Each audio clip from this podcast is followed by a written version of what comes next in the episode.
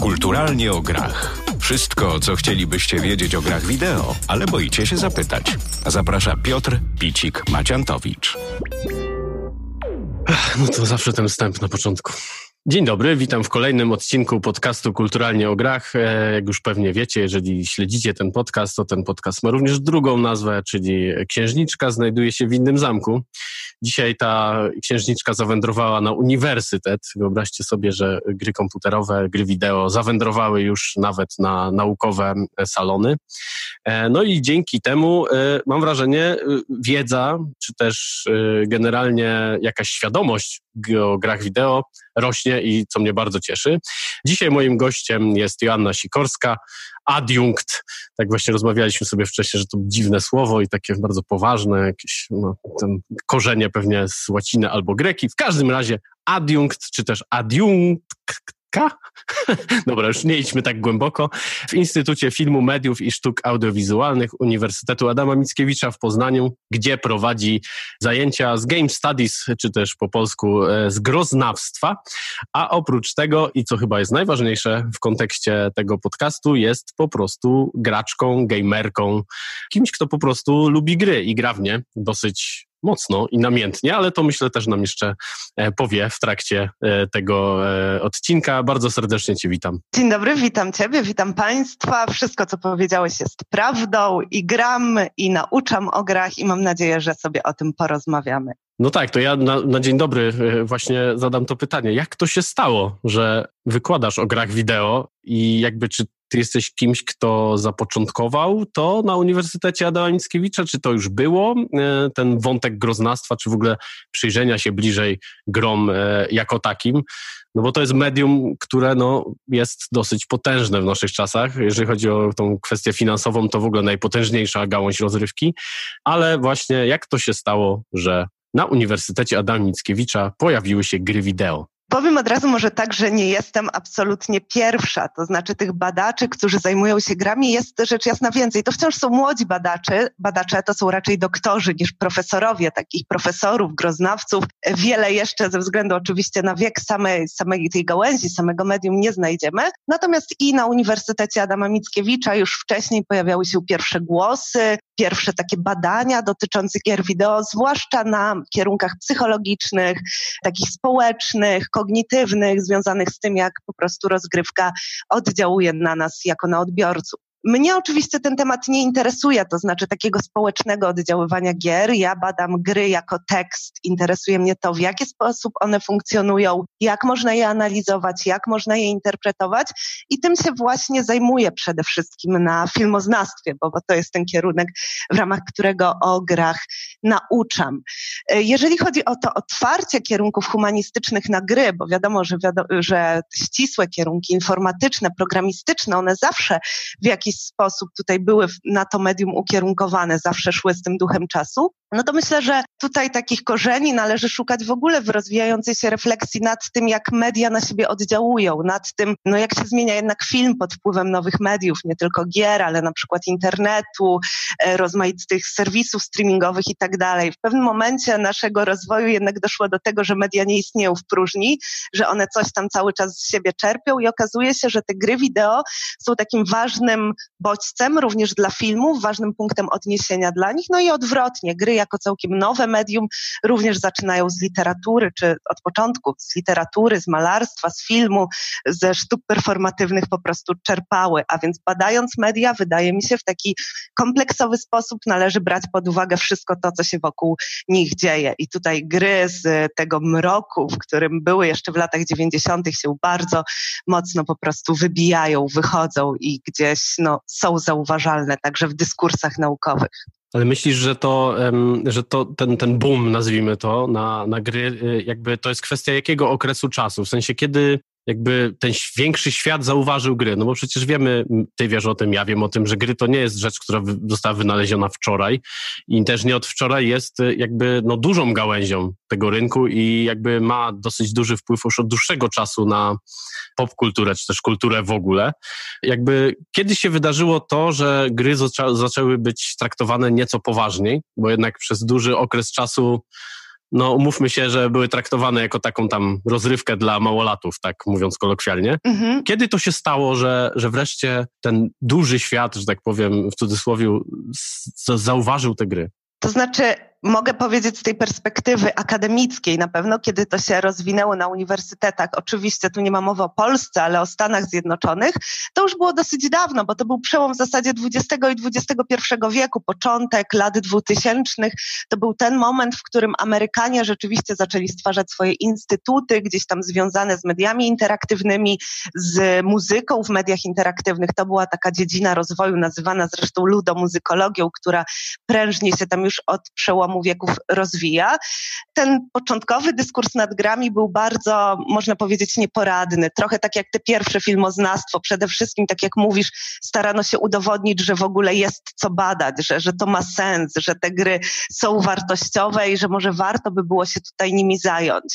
Bo jeżeli chodzi o, o biznes, o, o przemysł, no to oczywiście on zauważył gry już w latach 80.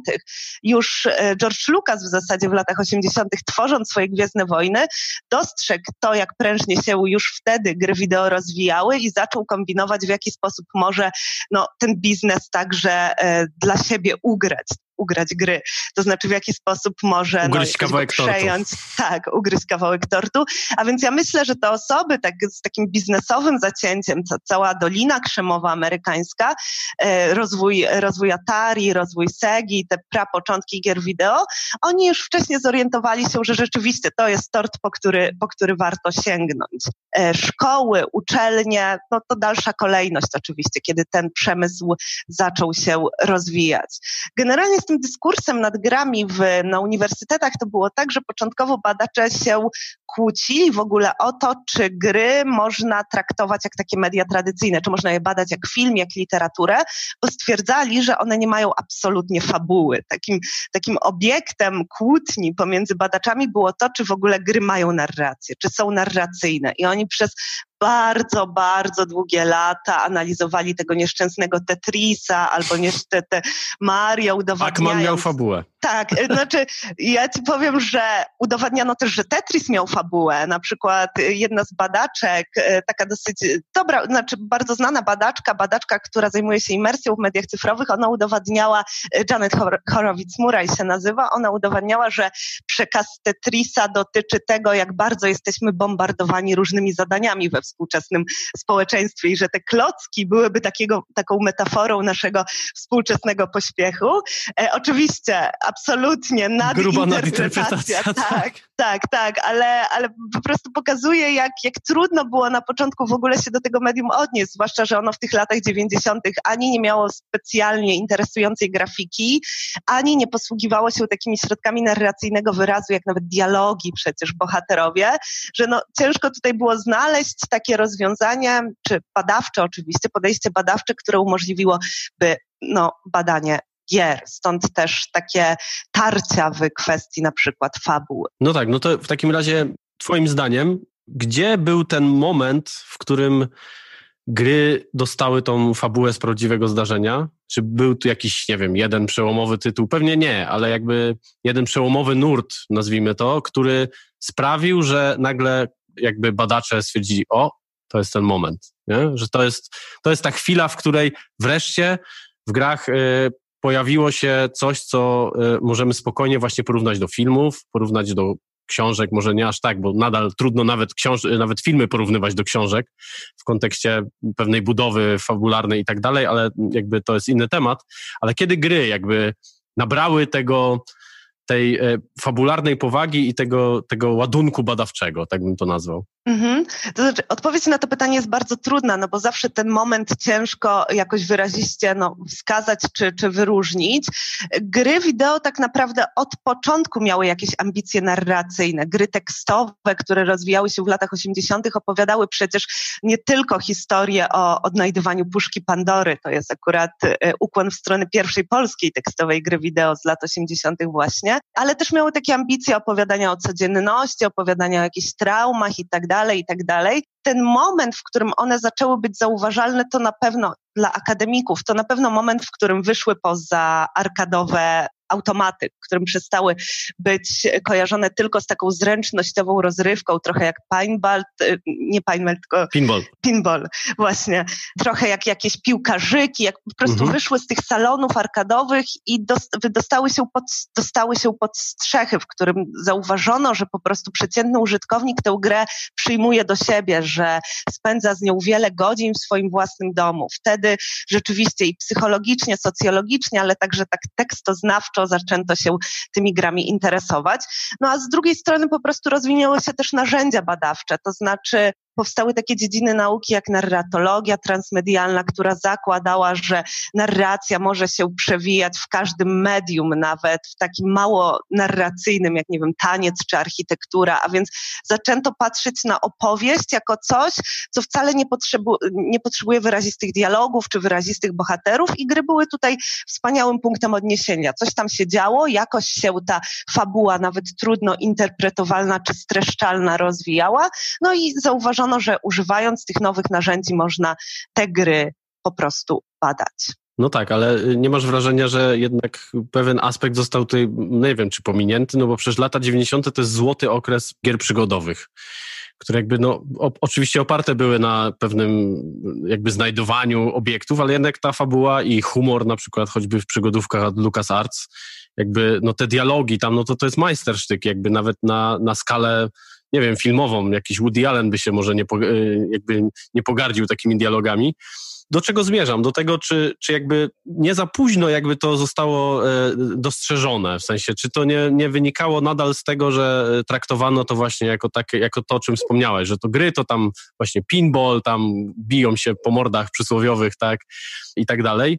I jakby kontynuacja tego pytania, czy teraz jakby bada się niejako wstecznie te rzeczy, które były kiedyś i które wcześniej przeoczono. To znaczy nauka zawsze reaguje z opóźnieniem, zawsze, nie wiem, badacze z lat 90. odnoszą się do tych gier z lat 80. i gdzieś w 2000 dopiero sięgają po 90. To trochę wynika z tego, że po pierwsze nie mieli warunków, żeby te wszystkie gry na bieżąco ogrywać. To wszystko nie było tak zinstytucjonalizowane jak teraz. To trochę przypomina kazus kina po prostu z początku jego istnienia, kiedy mieliśmy jakieś tam kinematografy, kiedy teatry, iluzjony zaczęły pokazywać te filmy, filmy, ale nie jako badacze zajmujący się kulturą, humanistyką, niechcący trafiali do tych kin. Mogli zobaczyć tylko jakieś fragmenty pokazów i tak dalej. Dopiero później zaczęło się to jakoś instytucjonalizować, dopiero później pojawiły się też po prostu narzędzia, które umożliwiły im takie szersze opisywanie tego zjawiska. Oczywiście tak samo było w przypadku gier, chociaż tutaj mam wrażenie, ten, ta dyskusja, ten namysł badania nad grami e, rozwijają się bardzo, bardzo intensywnie. Przez pięć lat powstaje na przykład mnóstwo książek, artykułów, podcastów nawet, czy filmów, filmików na YouTubie na temat gier w takim nawet ujęciu e, akademickim, jakby trochę badacze chcieli nadrobić tę stratę, tym bardziej, że za ten temat biorą się młodzi, a więc jeszcze energiczni, którzy mimo wszystko potrafią spojrzeć w przeszłość, ale i, i pozostać przy tu i teraz, to znaczy zastanowić się nad tym, jak ta rozrywka funkcjonuje współcześnie. Nie wiem, nie słyszałam o tym, czy istnieje już coś takiego w Polsce jak badanie historii gier jako takiej, czy istnieją jakieś specjalizacje czy kierunki w tym zakresie. Raczej na uniwersytetach zajmuje się no, grami jako pewnym tekstem kultury, bada się je w różnych kontekstach, ale no, skupiamy się zarówno na grach współczesnych, jak i tych przeszłych, no, starszych po prostu. Mnie najbardziej interesuje interesują te najnowsze, te najbardziej filmowe, można by powiedzieć. No właśnie, o to chciałem też zapytać, e, jak ty na swoich zajęciach wykorzystujesz gry i w jaki sposób i może jakie konkretne e, tytuły, no bo to, że właśnie w tym kontekście filmowym, pewnej narracji, e, czy też właśnie filmowości gier albo grywalności filmów, może tak w dwie strony można to, to ugryźć. No właśnie, jakby jakie przykłady ty poruszasz na swoich zajęciach, które, którą stronę tego tematu jakby uderzasz? Ja prowadzę różne zajęcia. Jedne dotyczą właśnie takiego klasycznego wykorzystania środków filmu, filmowego wyrazu w grach. To są zajęcia, które się nazywają gra w film właśnie. I zastanawiamy się tam razem ze studentami, w jaki sposób przede wszystkim gry czerpią z tego języka filmu. Na przykład zastanawiamy się oglądając sceny przerywnikowe w grach, w jaki sposób, no, w Wiedźminie, w Red Dead Redemption, w tych, tych najnowszych grach, gdzie to przejście między gameplayem a scenami dialogami przerywnikowymi jest płynne, w jaki sposób używa się montażu, w jaki sposób naśladuje się ten język filmu, w jaki sposób wykorzystuje się też y, obiektyw tej wirtualnej kamery, jak prezentuje nam się przestrzeń i żeby takie zajęcia przeprowadzić w zasadzie wystarczy pokazać fragmenty gameplaya albo pokazać, poprosić studentów o to, żeby obejrzeli, obejrzeli jakieś fragmenty gry. Ale mam też zajęcia, na których ważniejszy niż sposób obrazowania jest to, jak gra działa, to znaczy jaki gameplay został w niej zastosowany, jak funkcjonują mechaniki rozgrywki. I tutaj robi się problem w tym sensie, że jeżeli mamy takie klasyczne zajęcia filmowe, filmoznawcze, no to jasne, prowadzący prosi studentów o to, żeby obejrzeli jakiś film, oni oglądają, następnie wspólnie dokonuje się analizy tych filmów. W przypadku gier ja nie mogę poprosić studentów, żeby sobie zagrali w Red Dead Redemption 2 albo w The Last of Us Part 2, bo po prostu to jest kosztowne, no nie, trzeba mieć odpowiedni sprzęt i tak dalej, i tak dalej. Więc wykorzystuję po prostu zasoby. Mamy na wydziale takie um, eksperymentalne laboratorium medialne, gdzie mamy jedno PlayStation, jednego Xboxa, przynoszę te konsole na zajęcia, kiedy jeszcze oczywiście nie były w formie zdalnej, ale mogłam w jakiś no sposób popracować. Teraz, wiesz, streamować, nie? Tak. Raczej, raczej przekazuję im jakieś fragmenty let's playów z YouTube'a, ale wtedy przynosiłam te, te konsole na zajęcia, dawałam tego pada studentom do ręki, tym, którzy i grywają w gry i je znają i tym, którzy nigdy takiego urządzenia w rękach nie mieli, bo oczywiście tacy, e, tacy też się zdarzają, po prostu z ciekawości przychodzą posłuchać. I zależy mi na tym, żeby oni tej gry doświadczyli, żeby nie tylko ją zobaczyli, zobaczyli, aha, to jest bardzo filmowe, ten Red Dead Redemption wygląda jak western, wow, widziałem tu to u Sergio Leone albo nie wiem, w Django i tak dalej, ale właśnie, żeby zobaczyli, że gra to nie tylko te doświadczenia audiowizualne, to nie tylko taki spektakl, ale również sposób poruszania się w tym środowisku, nawigowania w nim i chciałam, chcę, żeby na przykład e, zrozumieli, co to jest quick time event. Mogę im oczywiście opisać, że to jest taka mechanika, w której ty musisz zareagować w odpowiednim czasie na ikonę pojawiającą się na ekranie i tak dalej, ale taki opis jakby nic nie daje. Oni, oni muszą to zagrać, muszą poczuć to napięcie, te emocje, które towarzyszą temu momentowi rozgrywki. Mnie interesuje, czy ja bym chciała, żeby studenci zrozumieli, że właśnie gra jest interaktywna i że te interakcje są takim kluczowym środkiem e, film, nie filmowego, tylko właśnie tego digitalnego, growego wyrazu, że to dzięki nim dochodzi do takiej komunikacji między użytkownikiem, już nie widzem, ale właśnie aktywnym użytkownikiem, a oprogramowaniem, samą grą, samym tekstem. No, mam takie e, może kontrowersyjne pytanie, chociaż ja uważam, że e, jest tak jest. Myślę, że się zgodzisz ze mną, że gry są bardzo ważnym medium, e, zwłaszcza w świecie współczesnym. I chciałbym Cię zapytać właśnie, dlaczego są takie ważne, a właściwie bardziej o to, jakie inne środki przekazu mają gry, których nie mają filmy, książki i nazwijmy je tradycyjne formy przekazu medialnego i jakby dlaczego warto jakby te gry pokazywać, bo też jestem ciekaw właśnie, jaki odbiór jest studentów twoich, którzy nigdy nie mieli do czynienia na przykład z tym. Czy, czy to jest takie, a tam, a tam, czy raczej jest właśnie wow, kurczę, można, nie? Wiesz, więc jakby takie, takie dwa pytania, nie? Jasne, to jest w ogóle bardzo, bardzo dużo wątków. Postaram się do nich odnieść. Absolutnie się z Tobą zgadzam, że no, gry wideo są ważnym medium, że to jest takie medium, które potrafi nam przekazać pewną opowieść. Opowieść nie tylko jakiejś tam fantastycznej rzeczywistości, ale opowieść o świecie. To jest kolejny sposób komentowania tego, co dzieje się we współczesności. Stąd też tak bardzo prężnie rozwija się ten, ten przemysł serious games, persuasive games, indie games i tak dalej, i tak dalej. To jest medium, po które sięgają coraz częściej, co nie działo się wcześniej. Indywidualni, niezależni artyści, nie mający absolutnie żadnego związku z programowaniem i po prostu za jego pośrednictwem przekazują jakieś informacje. I tak, jeżeli chodzi o studentów, którzy w gry nie grają, zdarza mi się tak, że przychodzą i mówią, dobra, ja tam nie uważam, żeby te gry coś mi dały, ale daje pani szansę, może mi pani o nich opowiedzieć, może mnie pani przekonać do tego, taka szansa się nie powtórzy. E, I ja wtedy, no mówię, że oczywiście podejmuję tę rękawicę i pokazuję im zazwyczaj no, najnowsze gry, na nich się skupiam, pokazuję im właśnie takie gry filmowe, jeżeli to są zajęcia takie stricte filmoznawcze, pokazuję im tą różnorodność gier także w kontekście tego, jak one opowiadają na przykład, nie wiem, o chorobach psychicznych, Hellblade, o, o chorobach fizycznych, e, That's Dragon Cancer na przykład, o, nie wiem, kwestiach tożsamości płciowej, tutaj te wszystkie gry Antropii, a więc staram się po prostu pokazać jak najwięcej, pokazać, że gry to nie tylko zabijanie potworów, hord y, wrogów w dumie, to nie tylko generowanie nowych układów planetarnych nawet w No Man's Sky, czy, czy to nie tylko znowu nawalanka ze szturmowcami, ale rzeczywiście w jakiś sposób one przekazują też informacje o tematach ważniejszych.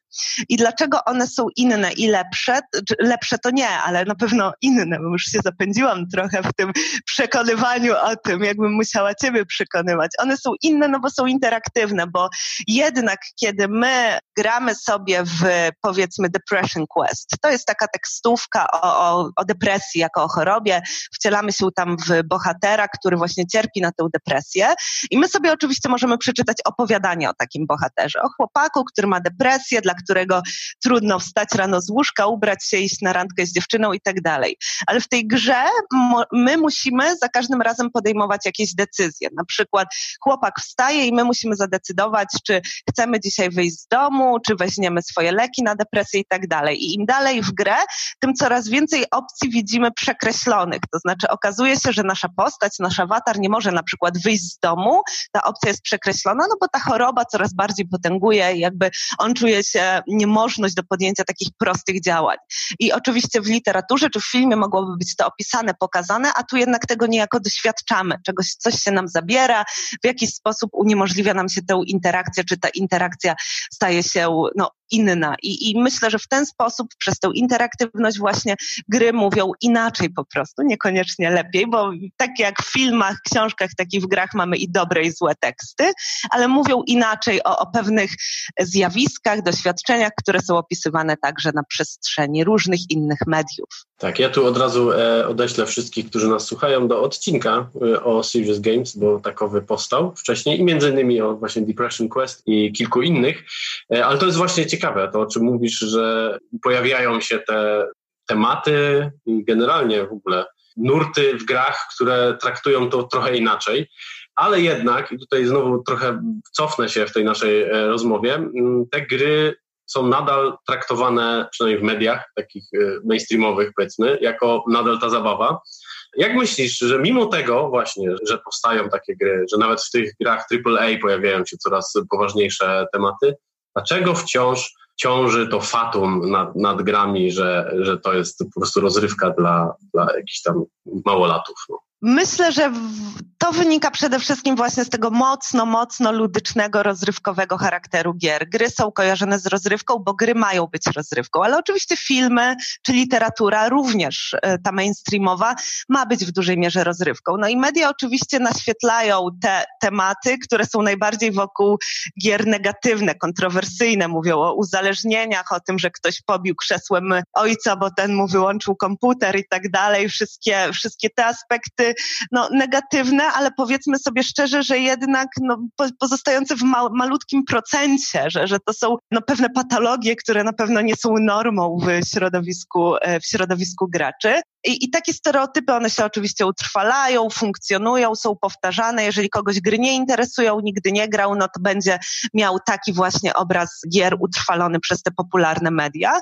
No i z takimi stereotypami najlepiej jest walczyć po prostu jak z każdymi edukacją. Jakby tutaj dobrym, e, myślę, że będziesz chciał podjąć tę kwestię, ale dobrym przykładem jest choćby te This War of Mine, które pokazuje na pewną tendencję do tego, żeby te gry traktować tak w cudzysłowie poważniej, to znaczy, żeby traktować je jako przestrzeń do właśnie takiej wspólnej dyskusji, jako przestrzeń, w której możemy odnaleźć istotne tematy i też wartościowe po prostu motywy. To coraz lepiej traktuje się gry i pewnie będzie się je traktowało coraz lepiej, mimo różnych kontrowersji, tak jak no, kiedyś kino traktowano bardzo, bardzo negatywnie, jako rozrywkę dla mas, jako rozrywkę absolutnie prostacką, no i to się przez, przez dekady oczywiście zmieniło i te gry będą coraz lepiej traktowane także ze względu na to, co powiedzieliśmy, czyli ten, na ten ogromny rozwój tematyczny, ogromny rozwój nurtów w grach wideo, a także to, że te narzędzia do robienia gier się upowszechniają, że coraz więcej osób za darmo może sobie zrobić grę, może sam, możemy sami opowiedzieć swoją interaktywną narrację, więc tak jak kiedyś nie można było kręcić filmów, bo było to drogie, w sensie amatorsko, coś takiego raczej nie istniało, tak samo nie było oczywiście na początku istnienia gier, ale teraz to się zmienia. Teraz dostajemy takie narzędzia, które nam to umożliwiają i myślę, że to też jest pewien argument, dla którego te gry po prostu staną się bliższe, bardziej demokratyczne i może lepiej zrozumiane, zrozumiałe w konsekwencji. No, poruszyłeś temat This War of Mine, który faktycznie no, jest jakby takim bardzo teraz na czasie rzeczą, bo wyjaśnijmy tutaj, y, chodzi o grę, o polską grę, no dodatek na jak, żeby inaczej w naszej rzeczywistości inna gra nie mogła zostać zakwalifikowana. W każdym razie została zakwalifikowana do kanonu lektur szkolnych, to jest jakimś takim w ogóle, nie wiem, jakimś mega kamieniem milowym, jeżeli chodzi o, o, o traktowanie poważnie właśnie y, gier wideo.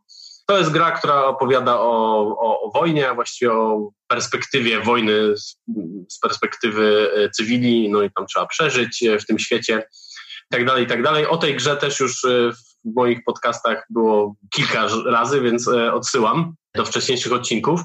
Ale tutaj mam jakby dwa pytania. Pierwsze to, jak myślisz, czy skąd w ogóle nagle taki pomysł u polskich w ministerstwie właściwie, czy tam nagle czy oni zauważyli, że polska branża gier wideo w ogóle istnieje i że gra wideo istnieje, że gry wideo istnieją w świadomości, że wreszcie do kogoś to, to dotarło? A drugie, takie bardziej już konkretne pytanie, jakie ty byś wrzuciła gry jako lektury szkolne? O Boże, te, trudne, te drugie jest znacznie trudniejsze, więc ja może, o Jezu, muszę, muszę przeprocesować to odpowiadając na pierwsze, e, na pierwsze pytanie.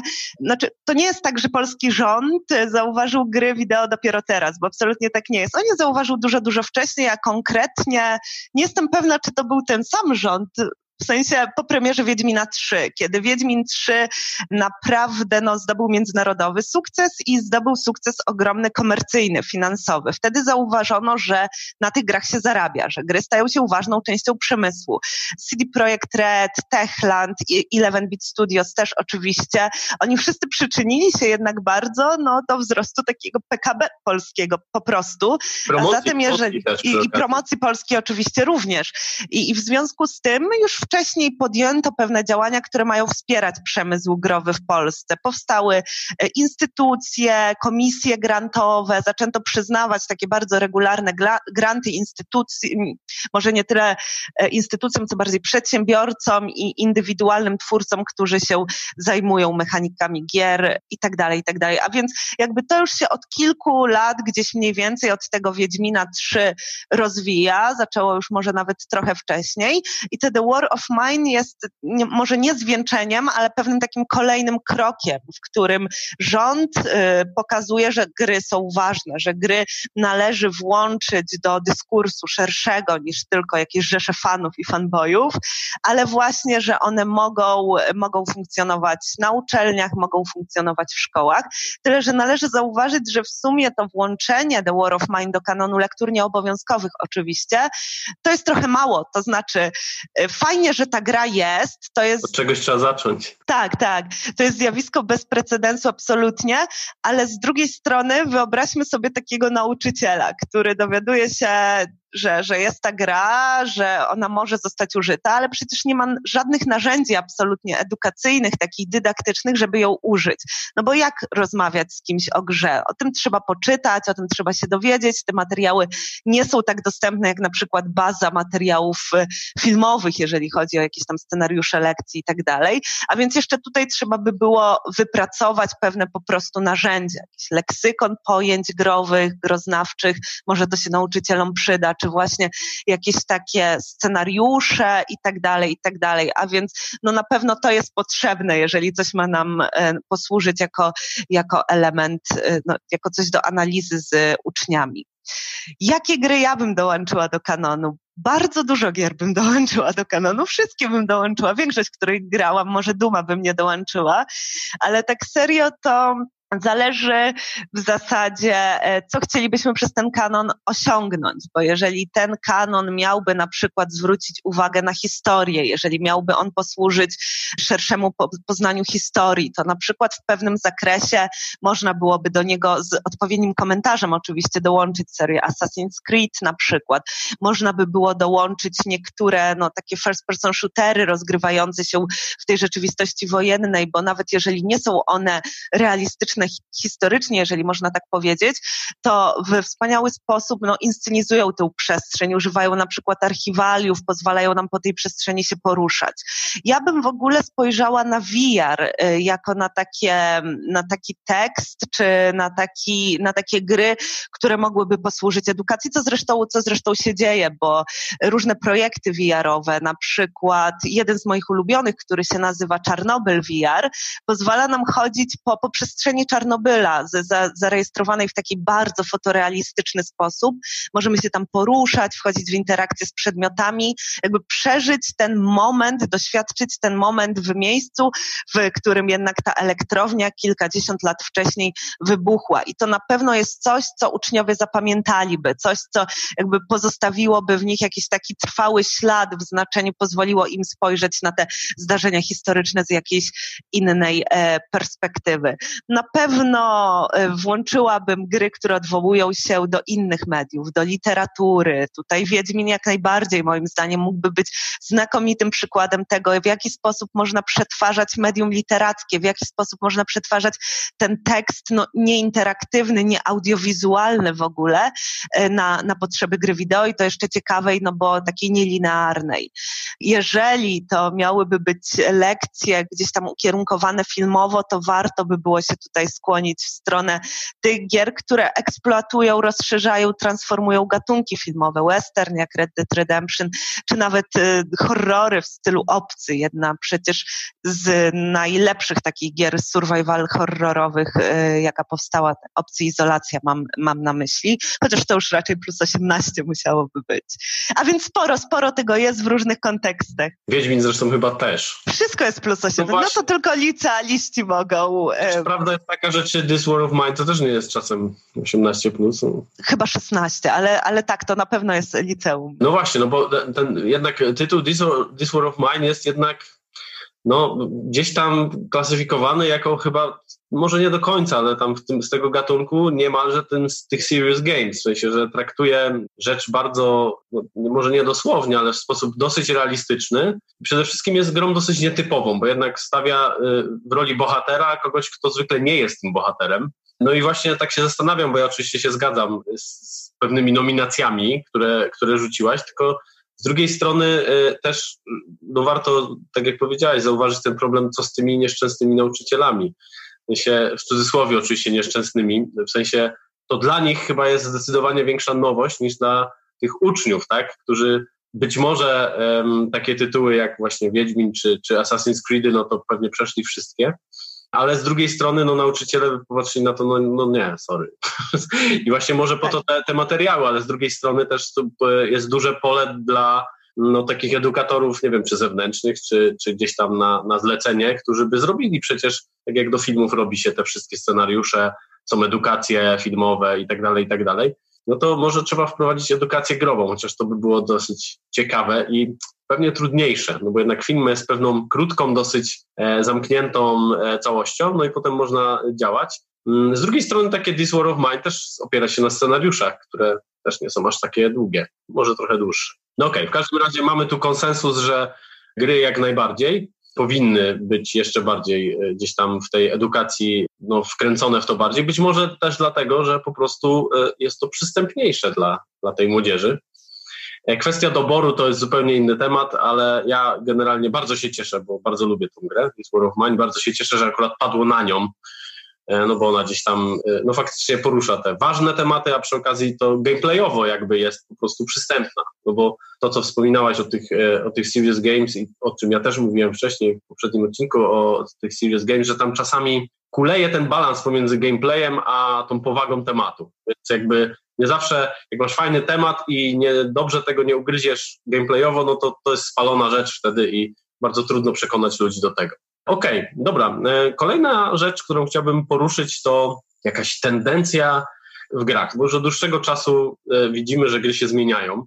Już nie mówię tutaj o wysokości budżetów tych gier i grafikach i tak dalej, i tak dalej, ale znowu jakby zahaczę o tą powagę, o tą poważność właściwie e, tych tytułów. Czy gry dojrzewają? Generalnie? Jako, e, I czy to jest, czy dojrzewanie, jeżeli jest, to dlatego, że ludzie, którzy grali w gry kiedyś po prostu się postarzeli i jest coraz więcej tych, tych ludzi jakby? czy nie dojrzewają i jakby ciągną też ten, taką, taką zwykłą rozrywkę? Jak to jest z tym dojrzewaniem gier? To znaczy, myślę, że ten jeden argument o dojrzewaniu, bo ci odbiorcy, którzy grali w te pierwsze gry, postarzeli się, no to, to jest ważne na pewno, ale w znacznie mniejszym zakresie. To znaczy, przede wszystkim dojrzewa technologia, można tak powiedzieć. I to właśnie umożliwia taką większą różnorodność gier wideo. To znaczy, e, jeżeli chodzi o Serious Games, to one były już tworzone po raz tak rozpopularyzowały się już prawie 20 lat temu. 2003 rok to Gonzalo Frasca, z, też akademik zresztą, e, ludolog, znany badacz, który e, robi gry o ataku na World Trade Center, robi gry o e, ataku terrorystycznym w Madrycie. I to są gry, które, tak jak powiedziałeś, one w zasadzie nie mają gameplaya. Coś tam mamy kliknąć, coś tam mamy przesunąć, coś tam mamy sprawdzić. To jest jeszcze ten moment, w którym osoby, które nie są specjalistami, nie są specjalistycznymi programerami, designerami, informatykami i tak dalej, i tak e, architektami tej wirtualnej rzeczywistości, oni w tym 2003 roku nie mają jeszcze możliwości, żeby się w pełni wyrazić. I teraz powstają różne silniki, banalnie proste w obsłudze, albo trochę mniej proste, ale nie wymagające wcale specjalistycznych umiejętności także programy takie jak Twinery.org na przykład, umożliwiające nam stworzenie bez najmniejszej znajomości języka programowania gier, gier wideo. Moi studenci na jednych zajęciach właśnie z gry tekstowej robią w takim programie, piszą sobie fikcję interaktywną, robią sobie takie gry, nie mając absolutnie żadnych kompetencji. Ja zresztą też e, jako humanista ich po prostu nie posiadam, a jednak możemy coś zrobić, możemy coś wytworzyć i po tę możliwość sięgają artyści. Mają w końcu narzędzia, bo rozwinęła się technologia. Mają silniki, które pozwalają na zanimowanie ich pomysłów, na zanimowanie ich e, jakichś artystycznych e, wizji i tak dalej, i tak dalej. I oni opowiadają o tym, o czym może by powiedzieli na gruncie performance'u, malarstwa, filmu, właśnie za pośrednictwem gier. A więc wykorzystują po prostu nowe medium, żeby rozszerzać swoją, e, swoją dotychczasową pracę artystyczną. To byłby przykład na przykład Fantastic Fittest, czyli polskiej gry Aleksandra Aleksandry Jarosz, która opowiada o pewnych niedolach bycia kobietą w ciąży w Polsce, tak, tak krótko mówiąc. A zatem no na pewno to, że ta technologia się rozwija, że ona jest taka mm, no, demokratyczna, szeroko dostępna, tania, darmowa w wielu przypadkach, sprawia, że te gry się zmieniają, bo coraz więcej osób może tę swoją wizję świata przekazać. Poza tym ważne jest chyba również to, e, o czym w sumie wspomnieliśmy przy okazji This War of Mine, czyli pewne urynkowienie umiejscowienie gier, to, że jest coraz więcej pieniędzy na gry, motywuje też twórców, żeby wymyślać coraz to nowe rzeczy, żeby się wybijać, żeby być coraz bardziej oryginalnym, żeby pokazywać jakieś nowe perspektywy czy nowe możliwości, które gry dają e, i które, no właśnie historie jakieś, nie wiem, zaskakujące, które można za pośrednictwem tego medium przekazać. Nie oznacza to oczywiście, że gry wszystkie stają się super ambitne, super, e, nie wiem, dobre, e, są dziełami sztuki, bo ciągle powstają gry słabe, tak jak powstają filmy słabe i, i książki słabe. I myślę, że teraz, kiedy tych gier powstaje mnóstwo, najtrudniejsze będzie odnaleźć się w tym zalewie, bo kiedy trafimy na film, który jest beznadziejny, włączymy sobie Netflixa i obejrzymy półtora godziny kompletnego jakiegoś no, no, shitu, no to okej, okay, stracimy półtorej godziny życia. Jak włączymy grę, zaczniemy przez kilka godzin angażować się w tę grę i, i właśnie po kilkunastu godzinach okaże się ona całkowitym niewypałem, to ten zmarnowany czas będzie większy, a my oczywiście czasu nie mamy, więc też nie chcemy sięgać po gry, które są absolutnie niesprawdzone. Stąd też no, na pewno będzie rosła także rola pewnych krytyków, także niestety youtuberów, który, którzy wskazują na to, jakie gry są dobre, jakie nie, abyśmy my mogli się w tym wszystkim rozeznać. A więc tutaj po prostu mnóstwo czynników wchodzi w grę, jeżeli ta metafora gry może zostać użyta. Bardzo ciekawe, że powiedziałaś niestety youtuberów. Tak, bo jestem też, y, to tak na marginesie trochę, a propos youtuberów growych, Teraz, y, nie wiem, kilka dni temu, czy wczoraj nawet gruchnęło, że tam Microsoft rozwiązał platformę streamingową że kontrakty z wielkimi youtuberami e, gdzieś tam no, poszły w, przestały istnieć i zostały rozwiązane. Ale do czego zmierzam? Do tego, żeby zapytać a propos tych recenzji i tych youtuberów.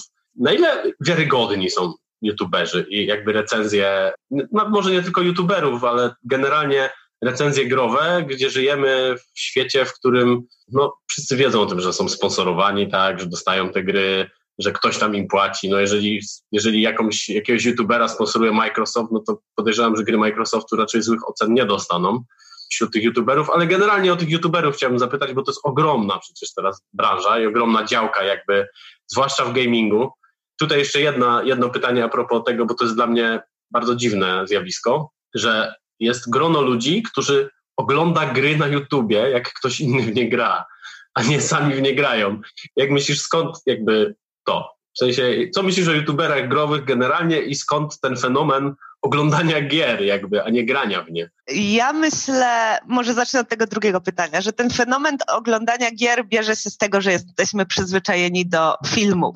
Bardzo dużo właśnie studentów, z którymi rozmawiam, jeżeli nigdy nie grało w gry, to mówi, że no nie grałem, ale oglądałem. Oglądałem Heavy Raina, oglądałem Detroit Become Human, oglądałem The Last of Us na przykład, bo jakby po pierwsze, te gry się teraz da oglądać. Ta, ten gameplay jest niesamowicie płynny, jest też na tyle ograniczony. Bardzo często przecież w tych współczesnych grach nawet interfejs się ogranicza, żeby ta przestrzeń gry wyglądała jak przestrzeń filmowa.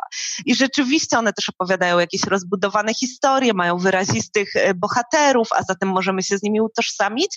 I to wszystko sprawia, że możemy taką grę potraktować jak film, tyle że no właśnie to doświadczenie oglądania będzie bardzo zubożone. Tak samo jak nie ma sensu oglądać no właśnie VR-u albo no nie ma sensu w ogóle oglądać interaktywnych rzeczy, no bo tam ich siła tkwi jednak. Interaktywne to po prostu.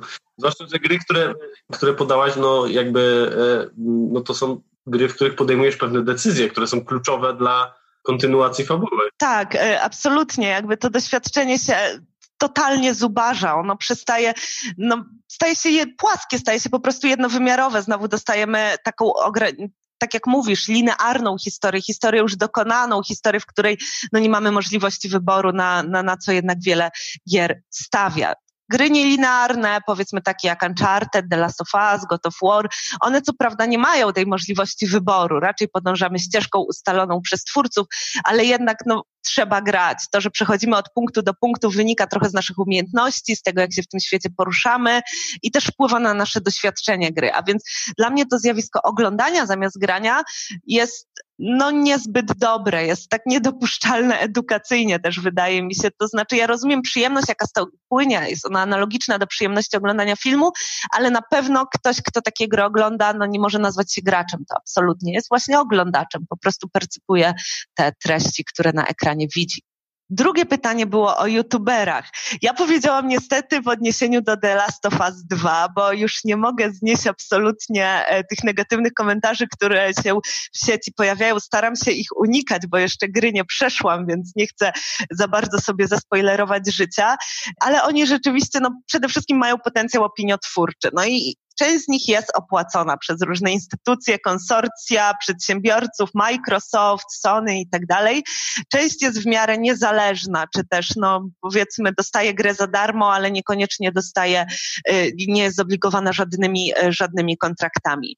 To, co jest moim zdaniem największym problemem, zarówno w kwestii YouTube'a, streamów, jak i y, właśnie recenzji growych w Polsce, to to, że ci youtuberzy czują potrzebę, i ja się im nie dziwię, bo to jest ich oglądalność, zrecenzowania czy opowiedzenia o grze jak najszybciej.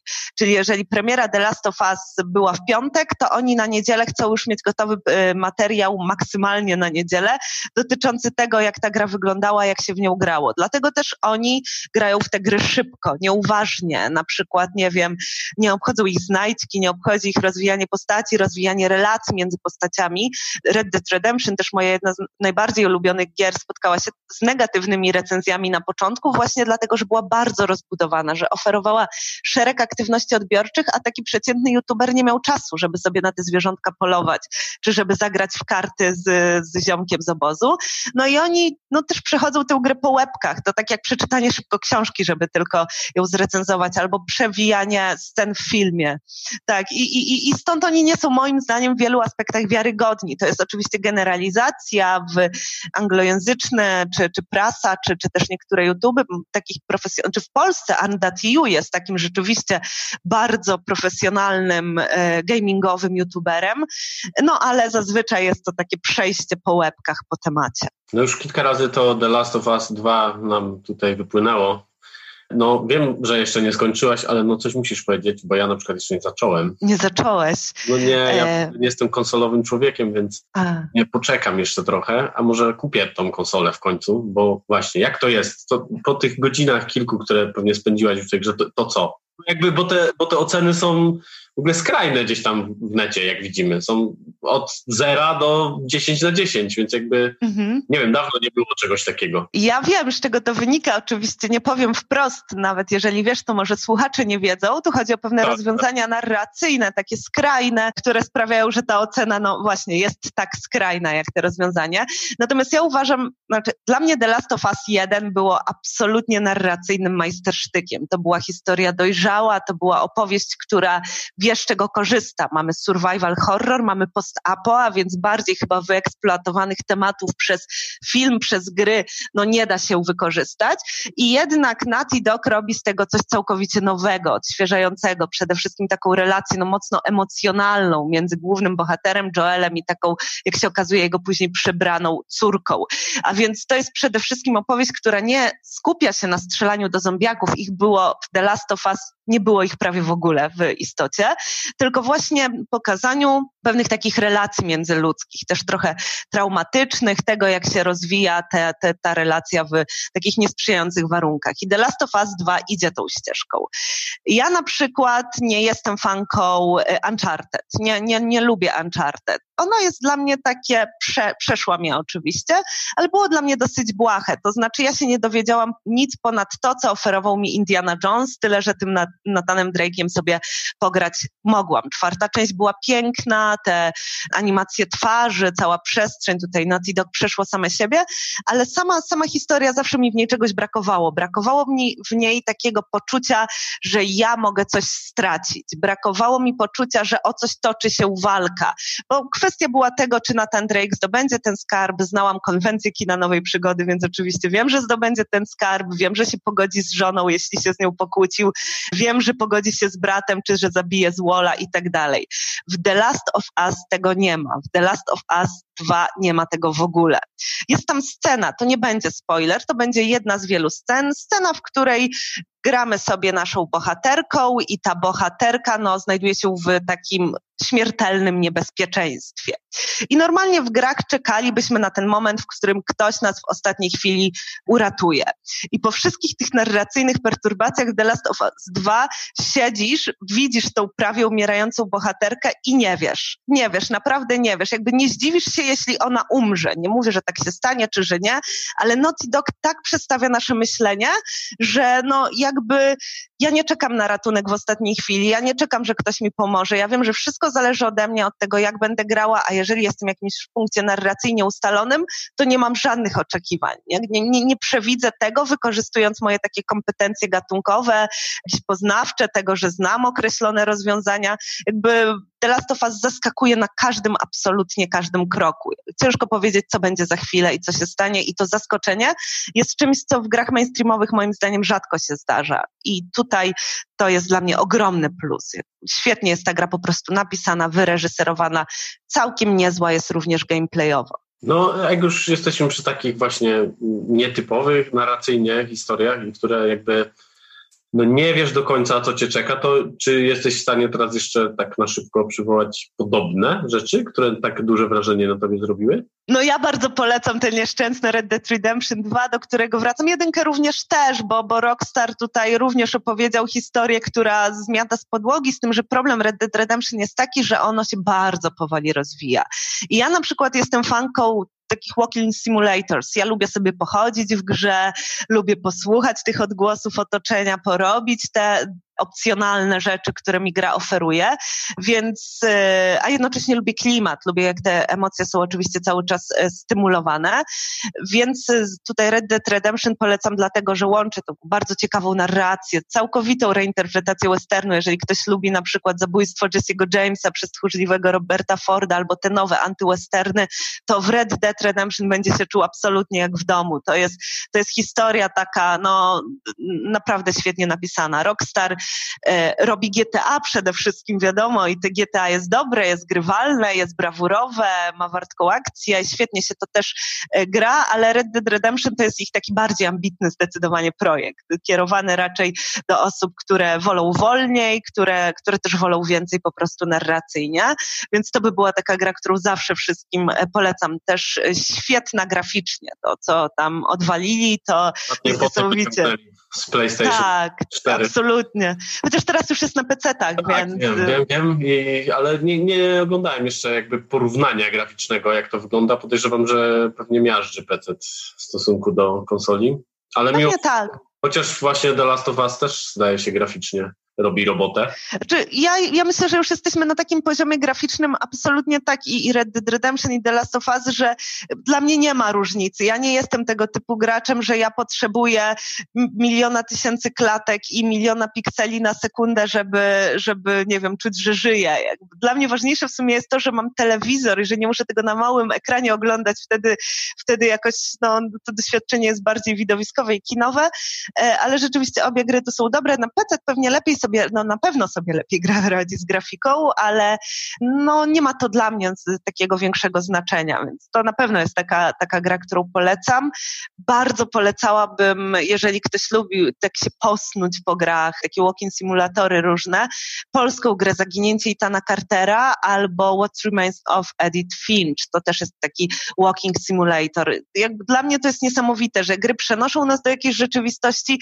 W Zaginięciu Itana Cartera są to karkonosze, noszę, bo jest, ta gra jest stworzona techniką fotogrametrii, obfotografowano te góry i my jesteśmy takim prywatnym detektywem, który tam sobie szuka jakichś informacji na temat tytułowego zaginięcia Itana Cartera, no i sobie chodzimy niespiesznie po tym pięknym, tak naturalistycznym wręcz odda od, naturalistycznie oddanym świecie, a więc jako takie doświadczenie wędrówki, to gry moim zdaniem się tutaj znakomicie sprawdzają, tej wędrówki takiej narracyjnej, nie to, że zastąpią rzeczywisty spacer, bo jednak na spacery też polecam wychodzić, ale, ale w zaginięciu można się poszwendać w no, całkiem inny, urokliwy sposób. Ja w ogóle mi ciężko odpowiedzieć na to pytanie, bo gram we wszystko, od solsów e, po, po właśnie e, gry linearne, przez, przez indyki, które często mnie też drażnią, bo to nie jest tak, że wszystkie gry niezależne są świetne. Czasami są, no, są źle napisane albo co gorsze mają zły gameplay, taki nieinteresujący kompletnie, więc no jest, jest tego sporo. Okej, okay, bo, bo jakby mimo wszystko wszystkie gry, które gdzieś tam poleciłaś, no, krążą wokół tego tematu tej filmowości. Mhm. Nie da się tego tutaj nie zauważyć, że jednak ta narracja, bo, e, bo jak w przypadku Red Dead Redemption czy The Last of Us to są gry długie, ale na przykład Ethan Carter albo What Remains of Edith Finch to są gry takie, wiesz, no, dwie godziny, nie? Taki seans filmowy jakby, tak naprawdę. O tym notabene też już e, odcinek e, cały nagraliśmy kiedyś tam z moim gościem, a propos filmowości właśnie gier co jest w ogóle bardzo e, fascynujące i jak bardzo zbliżają się te rzeczy do siebie. I filmy do gier, a może bardziej gry do filmów, już właśnie trochę straciliśmy tam to, co do czego się bardziej zbliża, e, bo oczywiście, tak jak wspomniałeś na początku, gdzieś jedno i drugie zaczyna czerpać od siebie coraz bardziej. To teraz chciałbym Cię prosić właśnie, żebyś poleciła jakieś takie w ogóle gry y, zupełnie nie nastawione na to. Bo jak mówisz, grasz we wszystko, w związku z tym e, chciałbym, żebyśmy, by, żebyś się może skupiła na tych takich tytułach, no nie wiem, nie chcę ich nazwać odjechanymi, ale mm, jakimiś, e, które cię zaskoczyły bardzo. Czy to gameplayem właśnie, czy grafiką, czy, czy czymś generalnie ciebie, jako kogoś, kto się tym zajmuje, bądź co bądź profesjonalnie, rzeczy, które cię zaskoczyły. To może ja powiem właśnie o, o From Software, jako o, o dwóch rzeczach, o, o, From Software i o Hideo Kojimie. To są takie, tutaj nazwisko i studio, czyli Japonia, kieruje się w stronę Japonii. To było coś, co odkryłam stosunkowo późno. Jakoś e, w związku z tą filmowością najpierw sięgałam zawsze po pogry no, takie amerykańskie, tutaj e, wielkich studiów, e, które, które wykorzystywały w jakiś sposób te filmowe środki wyrazu, czy po prostu gatunki filmowe.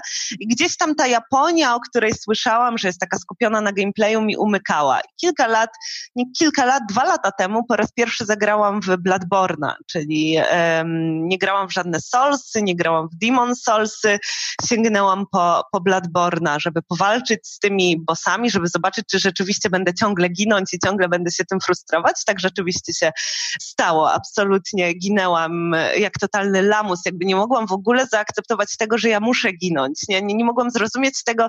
Uznawałam tak wewnętrznie w sobie, że ta gra jest źle zrobiona, bo jeżeli ja podchodzę 20 razy, 30, 40 do przeciwnika, to samo. tak, to, to, to coś jest tutaj absolutnie nie tak.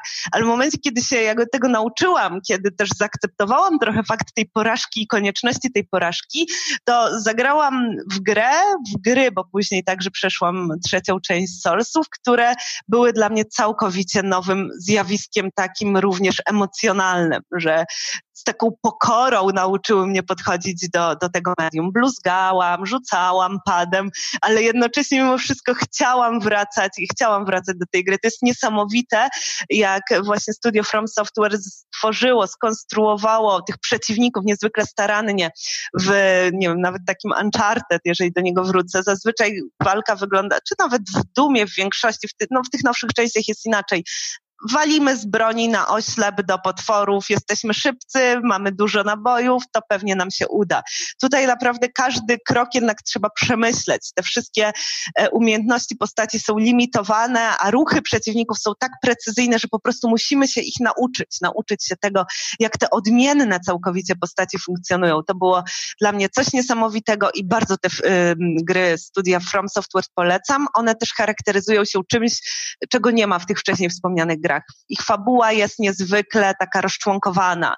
W zasadzie nie mamy czegoś takiego jak wyrazista linia e, fabularna, że musimy nie wiem, odkryć coś, zniszczyć coś, zapobiec czemuś, uratować świat, tylko my dowiadujemy się o fabule przemierzając te krainy. Przede wszystkim przestrzeń opowiada nam o sytuacji w tym świecie, a po drugie spotykając się z postaciami niezależnymi, ale one bardzo często są zaaranżowane w przestrzeni w taki sposób, przestrzeni, której ciągle nas coś atakuje, że e, jest bardzo duża szansa, że grając w grę i nie, nie, nie rozumiejąc jej specyfiki, pozabijamy wszystkich NPC-ów, których, których zobaczymy zobaczymy, bo zanim do nich zagadamy, to najpierw będziemy walczyć naszą bronią, więc to jest tak gra, która nic absolutnie nam na tacy nie daje. To jest gra, do której no, trzeba po prostu zmienić podejście, jeżeli przeskakuje się z takiego God czy, czy Diablo nawet. A więc te, te From Software'owe gry bardzo polecam. Polecam też Death Stranding. To, to jest taka, taka ciekawa... Bardzo, e, no powiedziałbym, e, nietypowa e, rzecz i również zdania są bardzo podzielone co do Death Stranding, więc czekam na twoją relację. Ja się absolutnie nie dziwię, bo przede wszystkim Death Stranding to jest gra autorska, absolutnie autorska, jakby autor jest widoczny bardzo często w grach niezależnych. Mamy autobiograficzne gry indie, gry, w których opisuje się o swoich, nie wiem, jakichś doświadczeniach, tożsamościach, sprawach e, absolutnie prywatnych, pozwala się doświadczyć użytkownikowi te własne życie przez tę grę wideo. Często gry pełnią w tym e, kontekście również funkcje terapeutyczne. Ale rzadko się zdarza, żeby autor manifestował się w grze mainstreamowej. Znamy pojedynczych autorów, twórców gier, reżyserów gier, producentów, raczej znacznie mniej niż reżyserów filmowych, co pokazuje, że nawet no, jeżeli tymi grami się interesujemy, to one jednak są bardziej traktowane jako tako, taki twór kolektywny niż indywidualny. No i wychodzi ten Hideo Kojima. Hideo Kojima znany z Metal Gear Solid, znany z Silent Hilla. Hideo Kojima, który jest już taką legendą gier wideo i robi swoje Death Stranding. Robi absolutnie absolutnie dziwny, pokręcony, postapokaliptyczny świat, korzystający z mitologii egipskiej, japońskiej, łączący różne wątki. Hideo Kojima uwielbia takie niedookreślone e, opowieści. Na początku gry wali nas jakąś godzinną cutscenką, sceną taką przerywnikową. Mniej więcej gramy 10 minut, oglądamy godzinę. Tak, tak, tak to wygląda.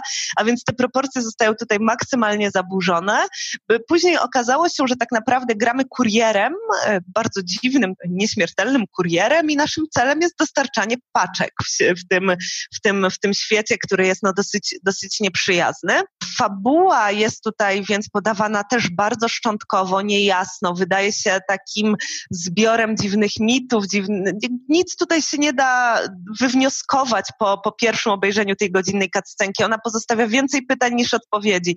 A więc to też jest taka gra, która ani nie daje nam specjalnie interesującego gameplaya, na pewno nie będzie tu dużo napięcia, jeżeli chodzi o grę.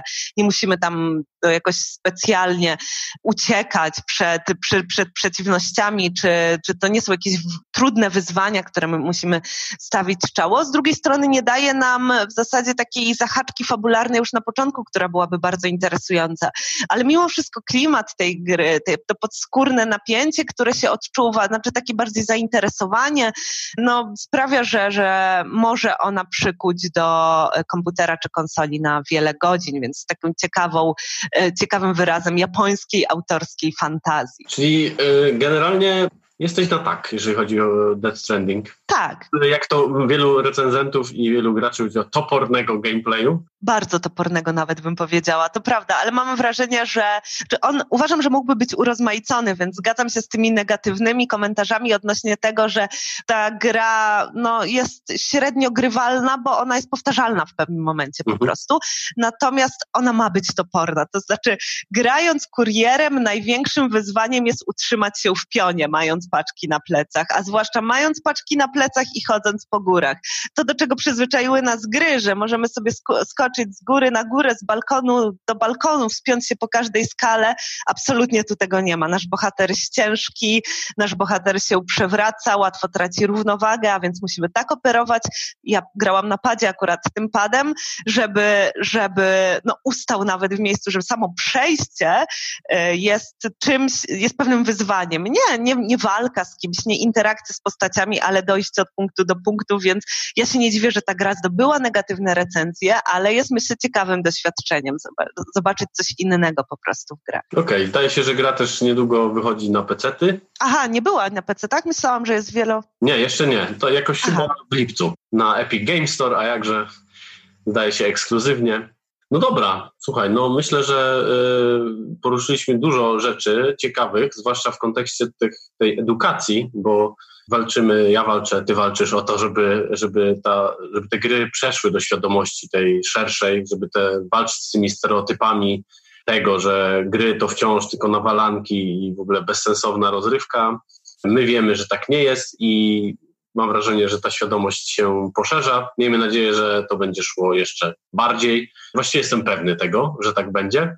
Ten ruch z tym This War of Mine jest w ogóle czymś, co mnie bardzo zaskoczyło i bardzo mnie uradowało. Dziękuję Ci bardzo za ten e, podcast, za ten wywiad z Tobą gdzieś tam. Moim gościem była Joanna Sikorska, adiunkt Teraz nie mogę przyzwyczaić tego słowa, aczkolwiek jest mi znane, ale jest dziwne. A czym się zajmuje adiunkt? No adiunkt jest doktorem. Jakby kiedy zdobywasz tytuł profesora, jesteś już profesorem i możesz mówić, że jesteś profesorem, ale nie wiem, doktor jest tytułem naukowym, natomiast nie funkcją. Nie, nie jesteś zatrudniony jako doktor, tylko adiunkt. Nie, jest to słowo bardzo, bardzo nieforemne, ale wykorzystując okazję, że mam głos, również bardzo, bardzo dziękuję Ci za to zaproszenie, za tę rozmowę. Rzeczywiście jest też miło, fajnie porozmawiać z kimś, kto lubi gry i kto się zna na grach i kto chce o nich mówić. Życzę Ci e, takich studentów jak najwięcej i żeby czerpali z Twojej wiedzy, bo, e, no bo widzę i słyszę, że jakby tak tędy droga, że tak powiem i bardzo fajnie, że, że, że ten kierunek w ogóle jest i że no kierunek, właściwie nie kierunek, tylko e, specjalizacja, nie wiem co to, czy to są jakieś konkretne zajęcia tylko, tak? Tak, w ramach specjalizacji filmoznawstwo intermedialne na razie póki co tak to wygląda. No to życzę Ci e, otworzenia całego kierunku na uniwersytecie, żeby to, się, żeby to się podziało. E, głęboko wierzę, że tak będzie, bo coraz więcej ludzi chce grać w gry, interesuje się grami. Jeszcze raz moim gościem była Joanna Sikorska, adiunkt w Instytucie Filmu, Mediów i Sztuk Audiowizualnych Uniwersytetu Adama Mickiewicza, no i graczka, gamerka. Dzięki bardzo. Dzięki. A Was wszystkich zapraszam do kolejnego odcinka podcastu Kulturalnie o Grach. Czym zajmiemy się w kolejnym odcinku, to na razie pozostanie tajemnicą. Zapraszam do kolejnego zamku, bo księżniczka znajduje się w innym zamku. Cześć, do usłyszenia. To był podcast Estrady Poznańskiej Kulturalnie o Grach. Więcej na estrada.poznan.pl